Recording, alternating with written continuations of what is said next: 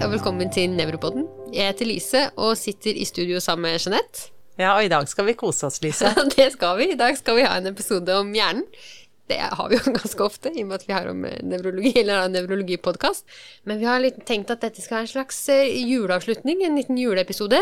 Eh, snakke litt sånn eh, lettbent om hjernen. Forhåpentligvis få med oss noen viktige fun facts. Mm. At det skal være litt artig. Ja. Og i dag har vi fått med oss Kaja Nordengen. Velkommen til deg. Tusen takk for invitasjonen. Og Kaja, det må vel være lov å si at du er over gjennomsnittlig interessert i hjernen? Ja, det tror jeg vi kan si, i hvert fall på et sånn generelt gjennomsnitt. Ja. Også for Det er, Elise det er vi kanskje alle tre, men du er jo litt, eh, litt over oss også. Jeg har alltid digga hjernen. Jeg har alltid digga hjernen. Helt fra jeg var liten, så hadde jeg, spurte jeg mamma og pappa hva jeg kunne bli når jeg ble stor, hvis jeg skulle få lov til å jobbe med hjernen. Og da sa mamma og pappa at da måtte jeg bli nevrolog. Så var jeg først mange år seinere jeg skjønte at jeg måtte bli lege først. Så du ble egentlig lege for å kunne jobbe med hjernen? Ja, ja, ja. Jeg tok nevropsykologi parallelt med første semester på medisin, fordi jeg oppdaga at vi lærte ikke om hjernen før over halvveis i studiet, noe som var altfor seint. Og så begynte jeg å forske på hjernen da jeg var andre semester. Ja. Og så har du skrevet en bok om hjernen, eller et par bøker om hjernen. Tre, faktisk. Ja. Tre, faktisk, ja. Mhm. Så over gjennomsnittlig interessert. Men kan vi ikke snakke litt om, for det er jo mye gøye Jeg antar du syns det er mye artige fakta om hjernen også? ja. Hjernen som vi har nå, den har vel ikke alltid vært eh, akkurat sånn som den er nå? Nei, nei, nå tenker du evolusjonen, ikke Ja, sant? ja. Nei, nei, det har den jo ikke, og det syns jeg egentlig er litt sånn spennende når man holder på med forskning òg, ikke sant. Av alt det kule vi gjør på laben med dyreforsøk, også hvis man ser på en musehjerne eller en rottehjerne, så den er jo den er helt glatt.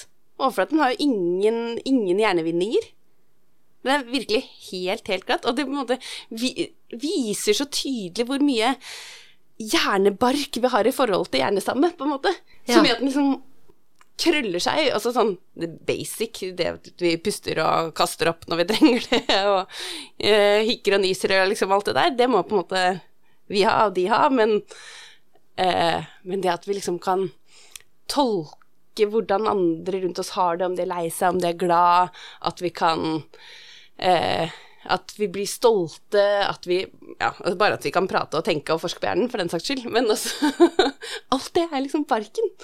Så det, ja, det vil være kanskje Når man snakker om evolusjon og hjernen, så er det jo mye hjernebark jeg tenker vi måtte ha snakka om. Men er, det, er den glatt fordi det ikke er noe bark der? Nei, altså den har jo er- hjernebark, selvfølgelig, men den har ikke så, så mye at det er noen hjernevinninger. Nei, ikke sant? Så Men den er det det vi liksom. Altså den Ja. er hjernebark. Mm. Men det er, eh, det er det du kaller eh, primathjerne? Det er jo ikke bare det?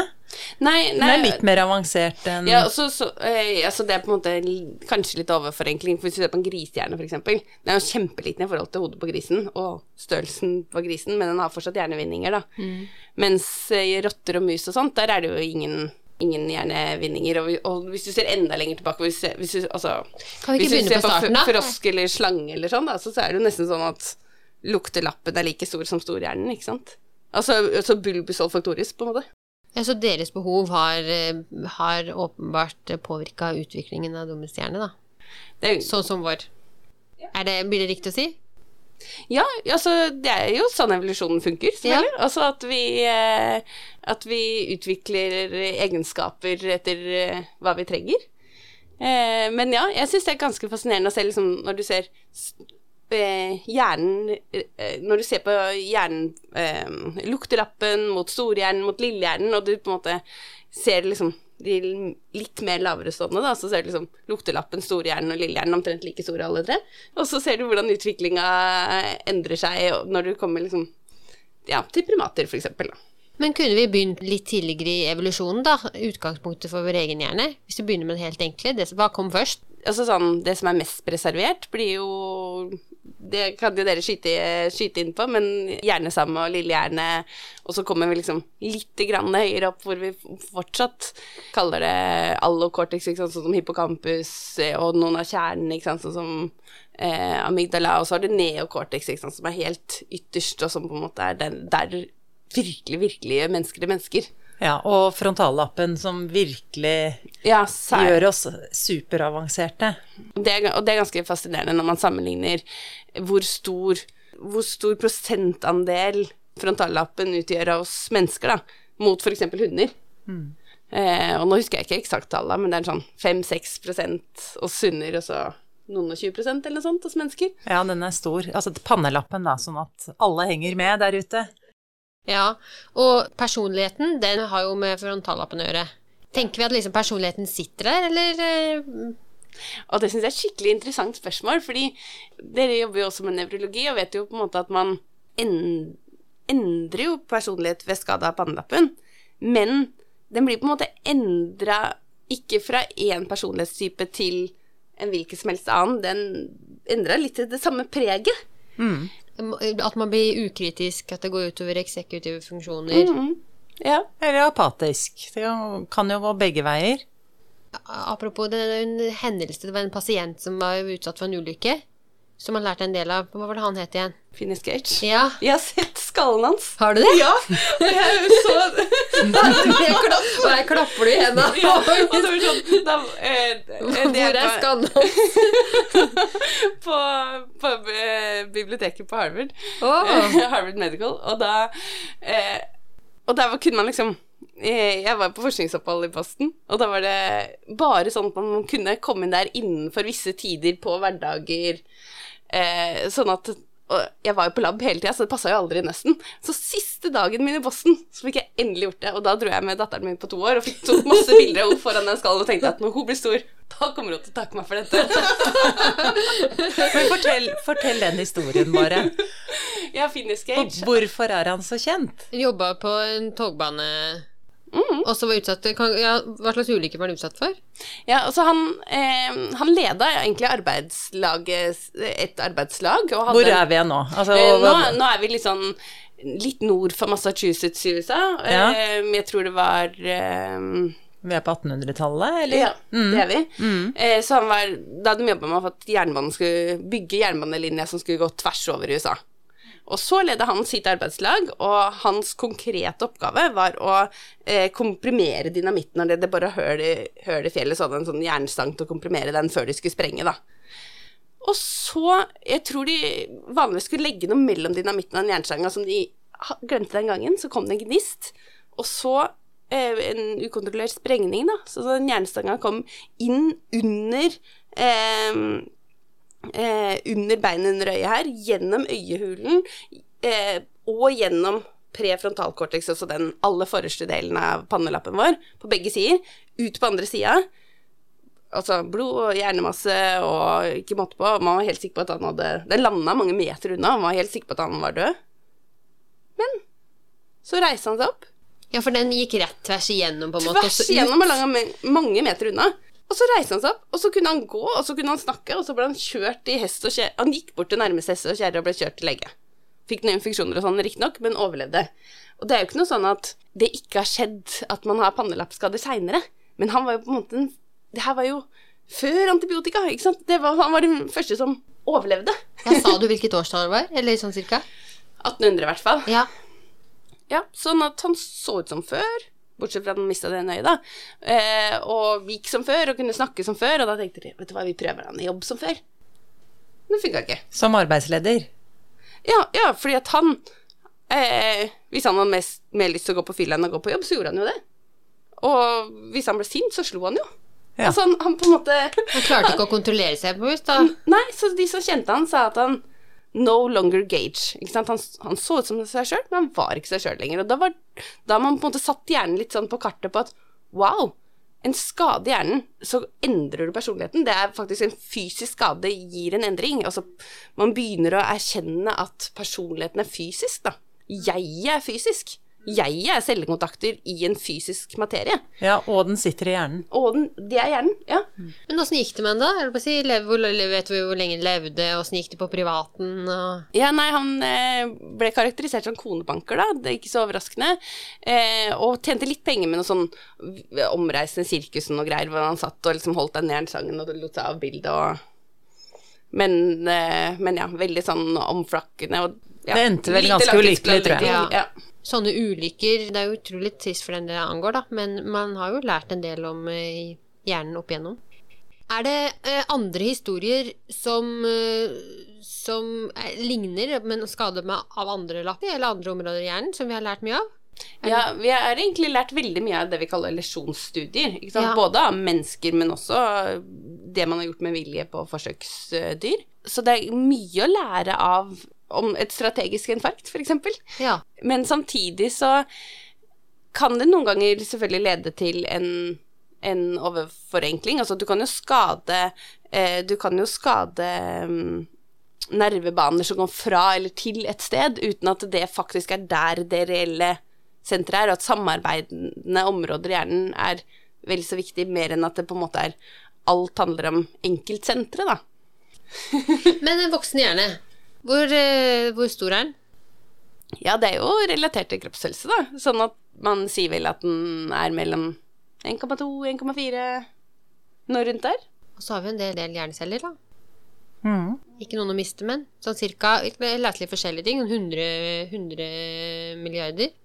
Ja, 86 milliarder er det man liksom Den ene publikum Altså har man liksom diskutert det og rundet opp til 100, men det er jo rundet opp ganske mange milliarder. Ja, det er det egentlig ganske mange Og de aller prosent. fleste sitter i lillehjernen.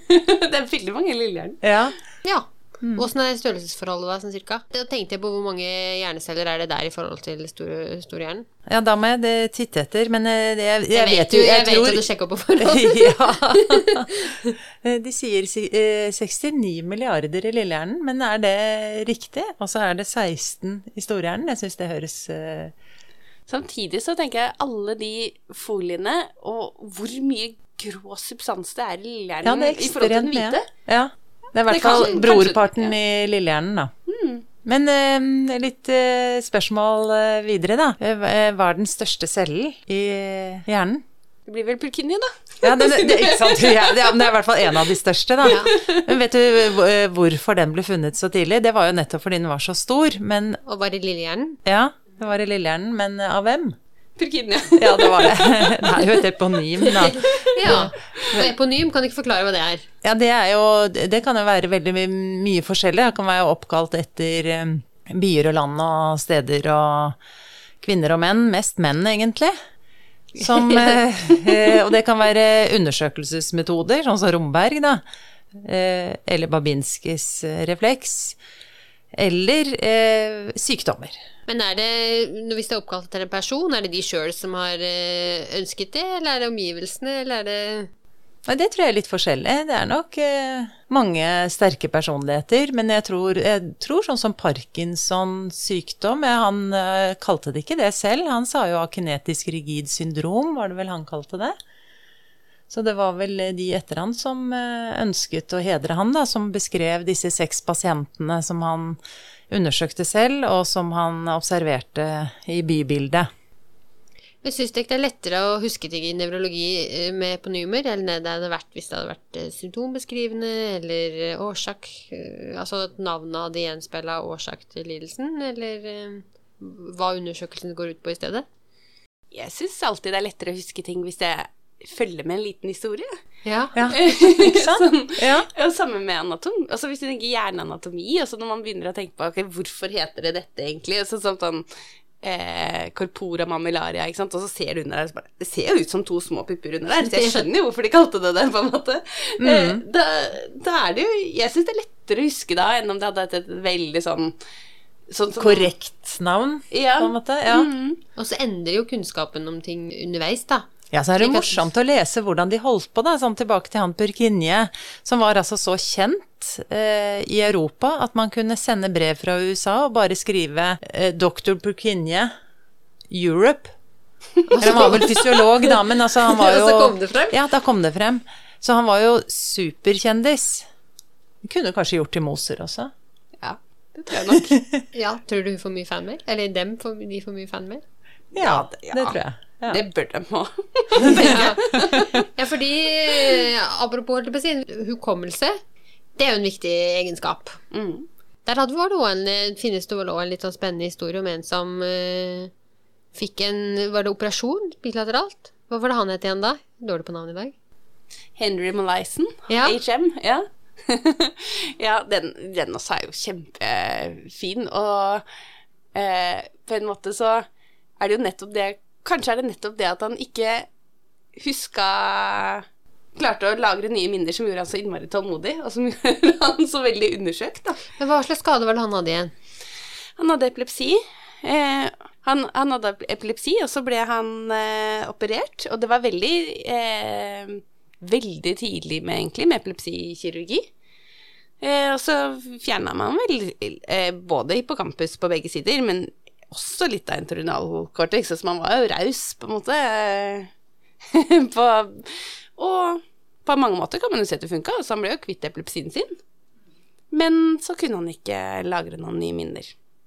Og man har jo også beskrevet, apropos når du nevner det med Moser, man har jo også beskrevet med han at han Det var jo ikke bare det lagring av nye minner som ble et problem, men det var også det å finne fram, faktisk. Også når han kom på nye steder, det at han eh, Finne tilbake til rommet sitt der han var, f.eks. Altså selv se, Så stedsorientering, navigering, var også, også påvirka.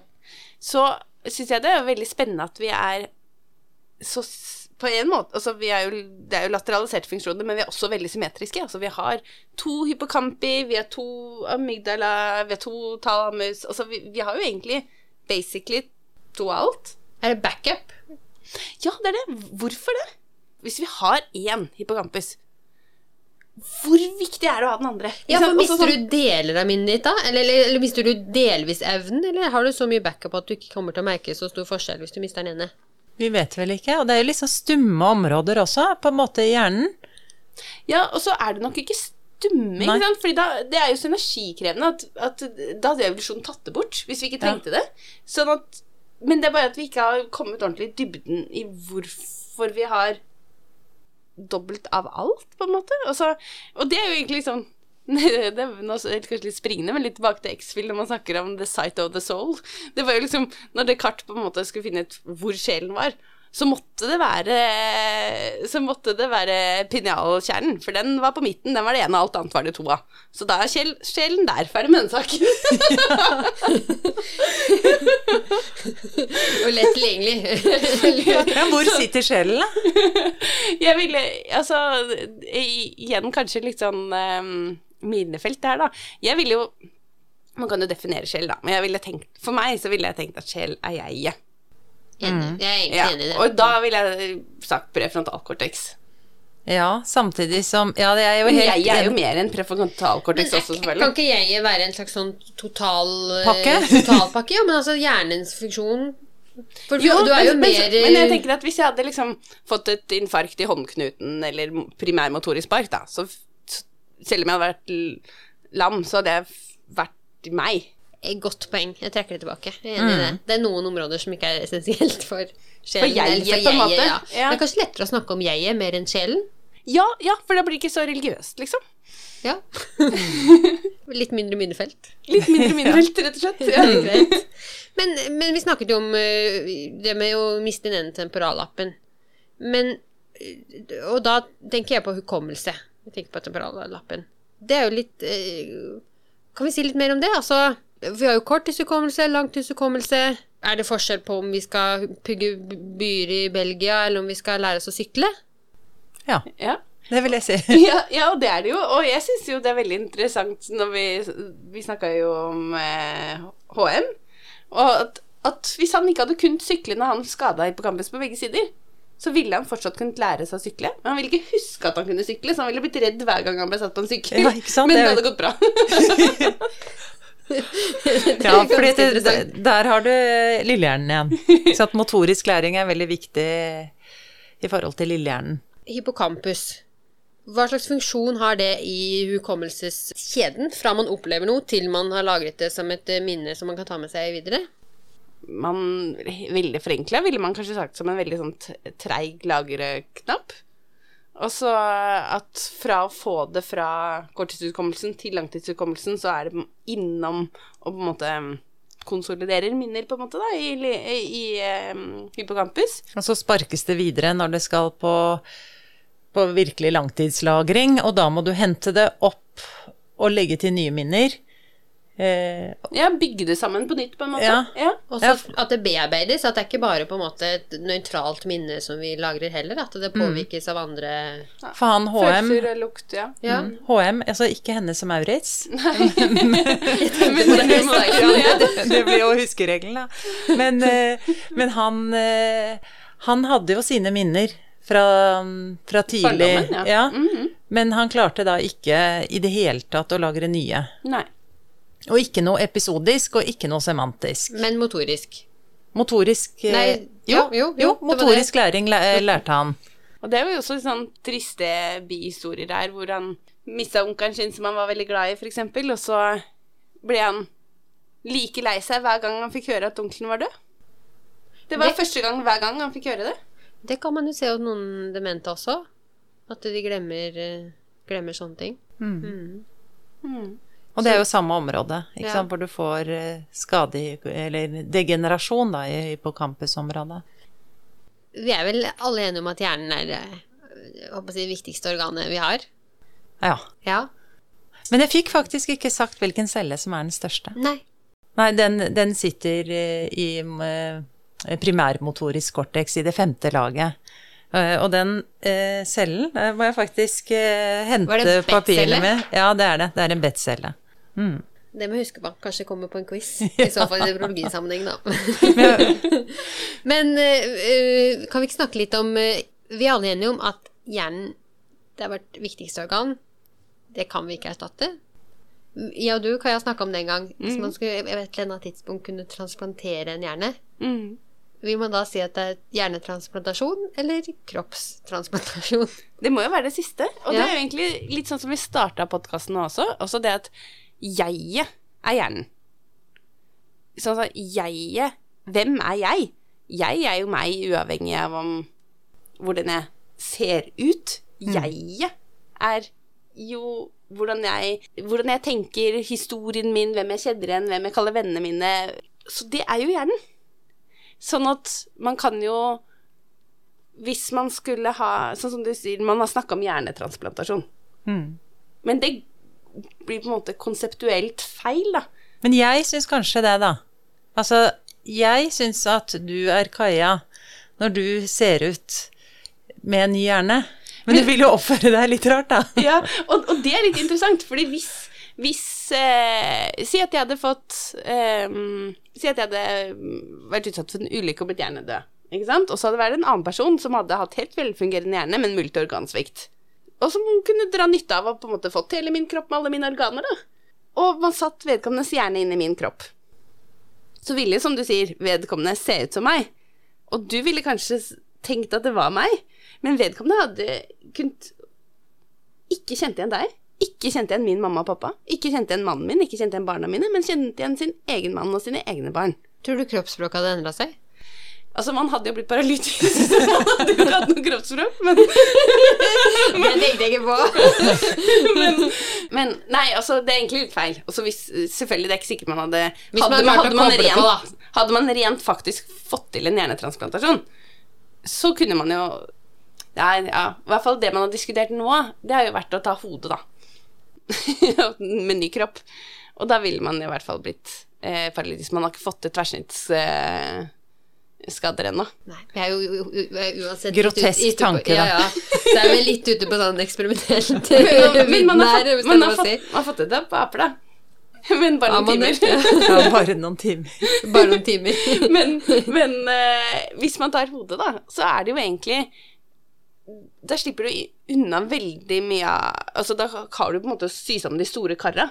Ikke sant? Da er jo veldig mye intakt, og du ville jo hatt ehm, hjernenervene, og du ville på en måte Du ville hatt mimikk, altså apropos kroppsspråk. Og det var jo til og med en det er jo en italiensk nevrokirurg som har jobba mye med det her, og det, han hadde jo en russisk frivillig som, som ønska som ønska nye organer, da. Som var villig til å transplantere hodet sitt i en ny kropp. Men det gikk ikke så bra, da, i og med at vi ikke hørte hørt noe om det. Eh, nei, jeg tror de slet litt med de etiske godkjenningene. Overraskende nok. Men eh, ja, jeg tenkte på Ok, vi, vi har etablert hjernen er veldig viktig. Men hvordan eh, Altså, når man tenker på hjertet, når man tenker på eh, muskulatur ellers, så gjør vi jo en del for å vedlikeholde, for å være grei med, liksom. Vi trener for å hjertet, passe på kostholdet. Men når det gjelder hjernen, da, er det noe vi, kan, det noe vi ikke bør gjøre, eller noe vi kan gjøre for, å, for at den skal ha det best mulig? generelt sett så er det jo veldig overførbart, da. Det vi gjør som er bra for helsa for øvrig, er stort sett bra for hjernen også. Så fint å passe på blodtrykket sitt og trene og spise sunt og alt det der. Og så i tillegg så har man jo på en måte den som er spesifikt for hjernen. Så er det jo det at det er bra å bruke den, og det er litt fint. For det er ikke sånn at det kan være med kne, at du bruker det veldig mye, og så blir det slitt. Hjernen blir jo ikke slitt. Den blir jo Den har godt av å Altså øh, Jo ja, mer du bruker den, jo bedre blir den. Ja. Mm. Så det er ikke noe sånn Den trenger egentlig ikke så mye pause. Nei, altså det er jo viktig å legge til rette for god søvn, ikke sant, sånne ting også, og ikke for mye negativt stress, så det men, men det å utfordre seg litt sånn kognitivt, det å eh, ta en utdannelse, det å ha interessant Bare det å prioritere sosialt, da. Det å sitte sammen og ha Løse litt verdensproblemer, på en måte. Ikke bare sitte og uh, sjekke Facebook-feeden, men faktisk liksom gå litt i dybden. Det er bra for oss. Og kunst og kultur og Bruke ulike deler. Men hvorfor er hjernen så Eller vi, da, for vi er jo hjernen. Men hvorfor er vi liksom grådige, sultne og e- egentlig så, sånn i forhold til jula, da, så har jeg bare lyst til å ligge på sofaen og spise fet mat og kose seg med kaker og drikke litt alkohol og Ikke sant. Det er jo sånn mange tenker, i hvert fall. At det er jo det jula er til. Men hvorfor er det vi liksom higer etter det? Og det er jo også sånn som tilbake til egentlig evolusjonen som vi starta med, da. Altså, det er jo i evolusjonsmessig sammenheng så er det jo vært innmari kort tid vi har hatt nok tilgjengelig næring. Sånn evolusjonsmessig så har det vært smart av oss å søke energitett mat for å få nok. Og særlig med vår hjerne, egentlig, som krever så mye energi. Vi er, det er jo en veldig Det er evolusjonsmessig et energikrevende valg, på en måte, å ha en så stor hjerne som vår. Så de krever, krever mye energiinntak. Men Hva liker den beste av energi? det, er det, jo, det er jo det energitette, som du sier, da, med sukker og fett. Ja, ikke sant? Og den liker aller best. Det lever jo egentlig av sukker. ja. ja, det er sant. Og veldig mye av hjernen er jo fett. Ikke sant? Med Mm. alt myelinet. Men eh, du snakka om å trene hjernen, og det, det Man snakker om liksom 40 minutter eller 45 minutter av eh, fysisk aktivitet hver dag. Burde vi liksom innføre fem minutter kognitiv eh, hjernetrening hver dag? Det enkleste, tenker jeg, er jo å eh, ha en jobb som krever, krever at du må bruke huet litt. For da får du liksom åtte timer hjernetrening den dagen uansett. Og så er det, tenker jeg, generelt sett bare det å være litt bevisst på å ikke alltid velge minste motstands vei, da. Det å ja, lage en ny rett til middag, eh, ikke på en måte variere mellom de faste fem-seks man gjerne varierer mellom, eller sykle ny vei til jobben, eller Pusse tenna med venstre hånd, Ja, som jeg hørte nevnt før. det fikk jeg tips fra nevrokirurgene når jeg var der, faktisk. Ja. For da, eh, særlig i starten, så var det sånn at når jeg brukte venstrehånda, så stoppa høyrehånda mi helt opp, for da måtte jeg liksom bruke all konsentrasjonen på venstre. Sånn at man eh, ja, hadde rett og slett ikke vært flink nok til å trene opp eh, den ikke-dominante sida. Jeg syns vi har eh, kommet innom noen overraskende temaer, og en del eh, som vi hadde tenkt litt på forhånd. Sitter dere inne med noen sånne virkelig gode sånn julenøtte-fun facts? Jeg har en liten eh, fun facts. Ja. Ja, jeg òg. Så dere sitter urolig på stolen der, så det er noe lover godt. Du sånn først, Jeanette, da. Jeg tenker at Einstein eh, hadde i hvert fall en smart hjerne, da. Men den var liten. Den var liten. Ja, og Ja. Det, det var litt gøy. Ja, og visste du at Einsteins hjerne eh, har vært på reise etter hans død? Ja, det tror jeg faktisk jeg har hørt. At Ja. eh, han som skulle obdusere den, eh, stakk av med den. Han stjal den og puttet den på et syltetøyglass, tror jeg. Nærmest et norgesglass. og tok den med seg hjem. Og hadde den der i ganske mange år. Mange Ja. tiår. Ja, det har jo nettopp vært et, et, en teateroppsetning på, med akkurat det som tematikk. Einsteins reise etter hans død. Ja. Kan bli litt ivrig hjerneforsker, da, hvis man Ja, for jeg tror han måtte levere den tilbake til slutt, da. Så da kom familien hans og tok den med på en, eh, en Tupperware eh, og tok den med hjem. Der den skulle være. Ja. Tupperware blir aldri samme igjen. Men du da, Kaja? Nei, altså, jeg, det er jo egentlig ikke en fun fact i det hele tatt. Det er på en måte helt basic funksjon, men jeg bare syns det er så fascinerende når man tenker over hva er lyd? Ikke sant? Altså, lyd, det er bare fortetninger i lufta som får trommehinna til å bevege seg. Bølger. Ja. Og det Alt fra den trommehinna beveger seg, til at vi skjønner hva hverandre sier, Det, eller kan høre på julemusikk, for den saks skyld, det er hjernen. ja, det er gøy. Det er ganske kult. Ja, det er Ja, det er det. Vi har jo litt forskjellig kognitivt utgangspunkt, Mm. som vi er født med. Ja. ja. Men hvor mye kan vi gjøre med det ved å gjennom livet? Man får ikke gjort så mye med utgangspunktet, kan du si, men man kan jo forvalte utgangspunktet sitt eh, veldig ulikt. Eh, sånn at én ting er IQ, men en annen ting er kunnskap. Det er ikke gitt at eh, høy IQ betyr at man har erverva mye kunnskap.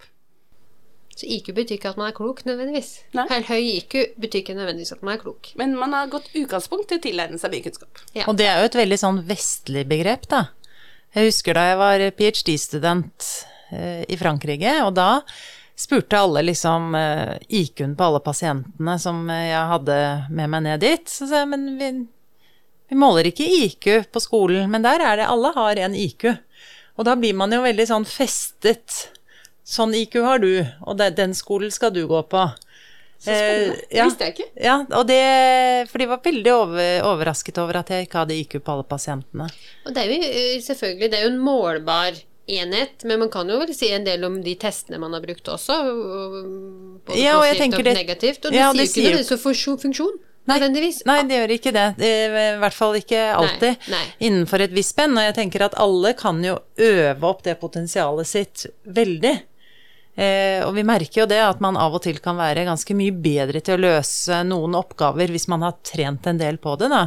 Så å drive med en del hjernetrim er vel viktig. Mm, og funksjon i dagliglivet og på arbeidsplass og i Ja. relasjoner er jo veldig mye mer sammensatt enn en sånn Ja. forenkla målenhet, om man kan kalle det målenhet. Det blir kanskje nesten litt for Ja, ja. konkret. Ja.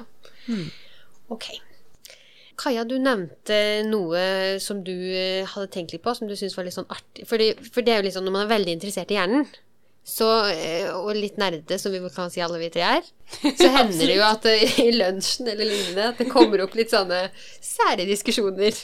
Ja, og der tenkte jeg, når, jeg har dere to her nå, så er det litt morsomt å tenke høyt sammen. Og det som jeg har diskutert med noen andre før, det er teoretisk sett om, om det går, og eventuelt hvor lenge man kan tenke etter at hodet er skilt fra kroppen. Eh, og den diskusjonen er noe som har kommet opp i forbindelse med at man eh, mente at eh, når man gikk over fra øks til giljotin, da, Her ble det veldig bra. så, så mente man at med det veldig rene kuttet, at man da kunne se ansiktsuttrykk, og at man mente at den, eh, den som hadde fått dødsdommen etter at hodet var skilt fra kroppen, kunne se opp på, eh, på bøddelen og se fornærma ut, f.eks. Ja, ikke sant. Ja, det, eh, det tar vel ikke mange sekundene fra du ikke får blodstrøm til hjernen til du besvimer, i hvert fall. Hvis du får uh, Men det tar jo flere sekunder, i hvert fall. Vil jeg Ja, det gjør det. Det tar, det tar uh, i hvert fall litt tid. så, jeg vil så jo tro sett så ville du kunne liksom tenke Søren, da. Men med de sløve knivene før, da, så må du jo ha sett helt Altså, da, Da, har du nok mista da har de bevisstheten før du mista livet, på en måte, ja. Ja, det var vel ikke uten grunn at de tok over eh, en sekk, da. Nei. Over ansiktet. Nå så, dette her ble jo helt uh, juleavslutning. Men, men, men, men Det er jo litt jeg- interessant, jeg skal ikke si at det ikke er interessant. Ja, ja. interessant at du på en måte kan se en at du, Fordi du ville jo hatt hjernenervene intakt. Altså med, sånn at du ville jo på en måte kunnet Eller I du et ville, blunk et lystig blunk her. nei, men, eller du ville teoretisk sett også kunne liksom Altså, hodet ditt kunne trilla ned, og du kunne sett opp på kroppen din der pulsårene sto, og du kunne bare tenkt Søren, Nå, nå er det slutt. hvor lang tid tar det før det skjer, til det går til bevisstheten? Kort oppi her. Ja. Trykket må jo falle for, så for fort, tenker jeg. Du kommer til å være bevisstløs med en gang. Hvis det er et clean cut. Ja, dyrestudier tilsier at det er flere sekunder, da. Før, Ja. du, mister, før du mister bevisstheten. Ja. Og med det ønsker vi god jul. vi må ha noe koselig på slutten. Beklager. Hilsen Innlandet. Vi må tilbake til søtsaker. Ja, ja. ja, hvilken koselig fun fact. Sånn å dekke over det her. Jeg syns alltid Nei, det, kanskje, det var kanskje litt grotesk, det jeg tenker meg Men Jeg syns alltid det er så koselig å tenke på at hjernen er sånn så pen og så rosa. Ja, ikke sant. Farven. Ja, den er jo så Altså, den er liksom Er det sånn gammelrosa? Eller Ja, ja, ganske sånn frisk. supperosa? Nei. Ja, Det er jeg frisk. liksom- jeg- ja, nesten litt sånn prinsesserosa. Ja, ikke sant? Og det er liksom Grå substans er jo ikke grå. Jeg tenker på sånn som du nevnte i stad, med at ja, ja, det er oftest oppkalt etter menn. Jeg bare liksom tenkte at ja, ble rosa for feminint, eller hvorfor kalte vi dette grå substans? Hvor Ja, kom ja, det fra? Ja. ja, så du ville helst ha kalt den rosa substans? Den er jo det. Ja, ikke sant? Så den er litt Den sånn eh, julegrisrosa. Ja, julegrisrosa, egentlig. Ja, det Det, og med det har jeg fått en koselig juleavslutning. Tusen hjertelig takk for at du kom, eh, Kaja. Takk for invitasjonen. Og får bare si god jul, da. God jul. God jul.